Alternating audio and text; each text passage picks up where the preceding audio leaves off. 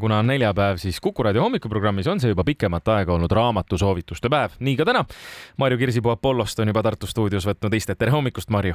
tere hommikust mm,! hakkame kohe esimese teosega pihta, mille sa välja oled valinud, see on Kairi Ansmanni Vapper Olli tiigerokas no vot, täpselt selline fantaasiarikka pealkirjaga ja sisu on ka selline. aga enne, kui seda raamatut üldse lugema hakata, siis võiksime omavahel selgeks teha, et kes meist on näinud prillidega siili mm,? mina ei ole no vot. Romi? ma nüüd üritan aru saada, et kas see on mingi väga peen vihje mingisugusele teosele või on see päriselus? ei no kas sa oled päriselus näinud prillidega siili? ei ole? kas ma olen näinud prillidega siili, küsid sa mult raadioeetris hommikul? muidugi uh, ma ei ole mina ka ei ole nii et vastus, Marju, on see, et me kumbki ei ole. no okei okay,, kõik me ei ole näinud ja sellega me teemegi, et meie neid haruldasi okaskarusid, kes on põhimõtteliselt, elavad eh, metsas, armastavad vaarikaid, aga mitte ainult vaarikaid ei armasta, armastavad ka raamatuid, elavad kaugel Lapimaal, seal, kus jõuluvana päkapikkude kodu, talvel elavad igludes, nende keha on kaetud okaskarvaga, näevad välja nagu siilid, aga miskipärast kannavad prille. nii võime ju lõpuks aru ka saada, et miks nad prille kannavad. kui need iglud kevadel on ära sulanud, siis nad sõuavad lootsikutes oma perekonna puu juurde ja poevad sinna hubasesse suvekorterisse. no võiks nüüd arvata, et seal nad praegu siis otsapidi ongi ja okaskarude lemmiktegevus on raamatute lugemine. no vot, kuidas ma sain siis neist mitte rääkida kui nad on vaevalt rääkima õppinud, siis nende esimene lause on ma tahan kooli minna ja nii ongi täitsa tavaline, et titad istuvad koolipingis ja veerivad tähti kokku. Nendel on oma külavanem, kes on alati vanim elanik, praeguses seisus on see saja kolme aastane Eedu Raudokas, aga selles raamatus ongi siis juttu Olli Tiigerokkast, kes on okaskaru suguvõsast, kes on tuntud vapruse poolest, iga suguvõsa on mingi eraldi mingi omadusega. ja Olli ise on samas selline väga arg, aga tema seiklustest selles raamatus me lugeda saame, nii et üks tähtis ülesanne toob laps Lapimaalt selle olli Eestisse, siin ka Hiiumaale ja loo lõpuks saab temast julge ja vapper okaskaru poiss. Hmm. Kui nüüd teose number kaks juurde minna, siis see algab, ma saan aru, nagu idüll, kui sulle pärandatakse see, no küll natukene töökäsi vajav, aga siiski maja Bordeaux veinipiirkonna südames, ilus, kaunis vaade, aga kõik ei ole päris vist nii, nagu näib. see on siis Fiona Valpi Valgus viinapuude vahel ja see on nüüd, alustab ühte uut triloogiat, see on triloogia esimene raamat, see on siis Põgenemine Prantsusmaale.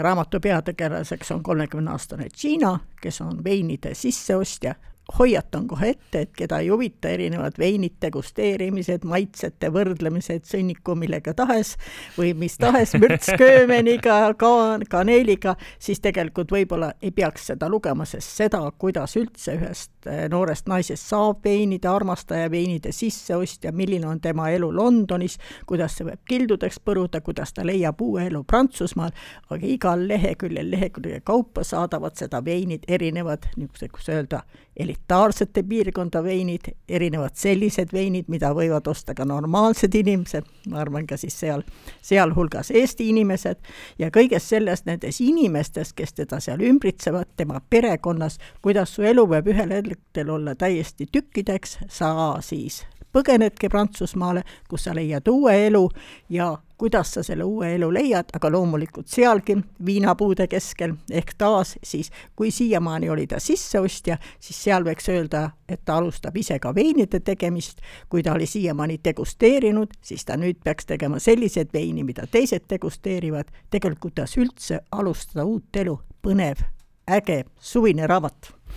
Järgmine raamat on Russell Brandi Paranemine sõltuvustest vabanemine just, võiks nüüd öelda, et kui nüüd tõesti oled sinna veinisõltuvusse väga hästi valitud järg jah, veinisõltuvuse otsa kukkunud ja tuleb välja, seda on võib-olla natuke liiast saanud juba, aga et see pole ju ainukene sõltuvus.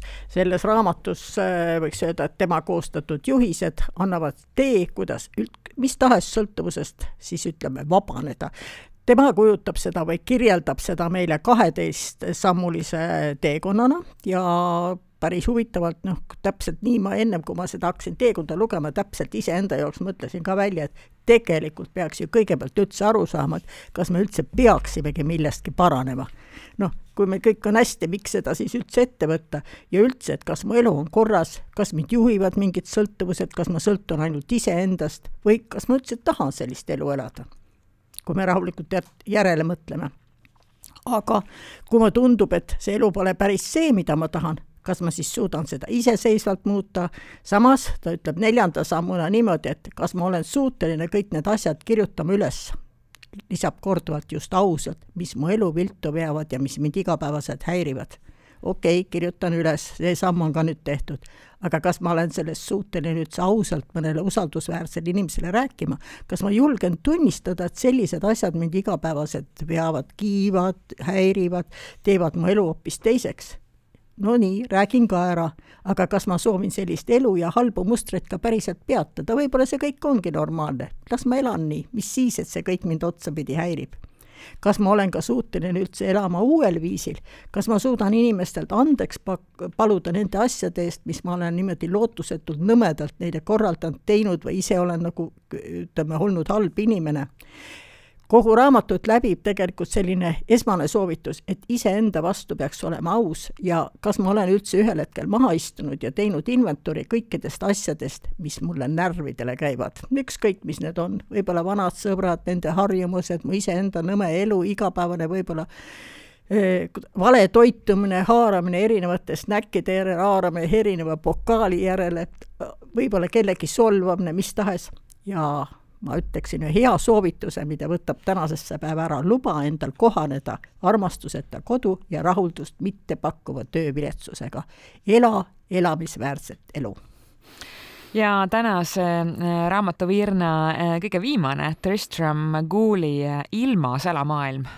no vot see on nüüd niimoodi, et kui me ilmast muudkui räägime ja ühesõnaga, et mis pidi see ilm on, kas on nähtavust ja kus mitte, alapealkiri sellel raamatul on Kuidas lugeda märke igas pilves, tuuleiilis, künkas, tänavas, loomas, kastepiises, kus tahes, et ei ole vaja alati võib-olla kuulata ilmateadet. selle raamatu on nüüd kirjutanud tuntud Inglise loodusuurija ja siin ta soovitabki kõigepealt üles vaadata, üles taevasse korra ja üldse aru saada, et mida need märgid meile iseendast nagu näitavad, et kas võib-olla juba nendest midagi välja lugeda. no ütleme niimoodi, võtsin sealt ühe peatüki, mis oli udu, miks ma selle võtsin udu, sellepärast et täna hommikul oli Tartus tõeliselt paks udu ja tegin endale selgeks, mis see udu siis olemuselt on no tõepoolest, mõtleme, et kuidas saab niisugune valge udu üldse seal püsti seista seal õhus. kui õhk ei suuda enam gaasi kujul vett säilitada, seepärast et see on juba niivõrd küllastunud, siis põhimõtteliselt tekibki udu. kui lisame vett, veel vett juurde, temperatuur öösel ju langes, siis veeaur konsenseerub ning tillukesed piisad jäävadki õhku rippuma. saingi selgituse.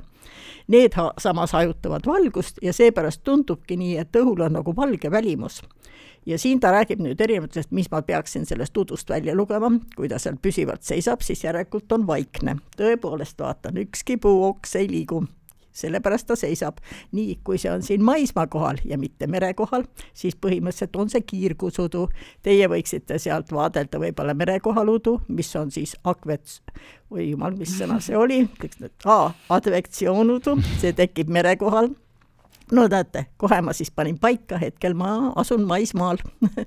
Nii, ja põhimõtteliselt nüüd sellest raamatust sai ühesõnaga niisugune samm-sammu alt, ilma et peaksin kuulama midagi, saaksin nüüd teha järeldusi, miks üldse udu on, sellepärast et eelmine päev on siin nii hullult sadanud ja kogu maa on juba seda vett nii täis, et ta peab kuskile seda välja hiig-, hingama, kui nii võtta. pärast selle raamatu lugemist lubatakse, et oskad juba ise ennustada torme, päikselisi päevi, ilma et peaksid oma nutitelefonist abi otsima. Nonii, tuleb välja, et kõik need ilmateadustajad võiksid nüüd oma tööst praktiliselt ilma jääda aga see ilmasalamaailm ei aita meil ainult ennustada, vaid annab üleüldse tegelikult ettekujutuse, ta tegelikult lihtsate tekstide abil annab meile nagu, kuidas öelda, vaatlemisoskuse. ja ta on nii huvitav persoon ise, kui ma lugesin, et põhimõtteliselt raamatu autor ise, noh, hea, küll, kirjanik, rändaja, maadeavastaja, tänapäeval muidugi tundub kummaline kellegi kohta öelda maadeavastaja, et kas meil on midagi enam avastada, see on nagu iseasi aga tema on juhtinud nii palju erinevaid ekspeditsioone näiteks viies maailmajaos ja öeldakse, et ta on teadaolevalt ainuke elus olev inimene, kes on lennanud ja purjetanud üksi üle Atlandi ookeani. nii et selliselt põnevalt mehelt, kellelt varem on eesti keeles ilmunud kahe tuhande kaheksateistkümnendal aastal raamat Matka ja teejuht, seekord siis erinevad selgitused, kuidas me võiksime vaadata ilma väga vahva on, mida lugeda, tuletame siis veel kord meelde, et need teosed olid Kairi Ansmanni Vapper Olli tiigerokas, Fiona Valpi Valgus viinapuude vahel, Russell Brandi Paranemine, sõltuvustest vabanemine ja Tristram Gooley Ilmas alamaailm. Marju, aitäh tulemast ja kohtume taas! kena päeva kõigile!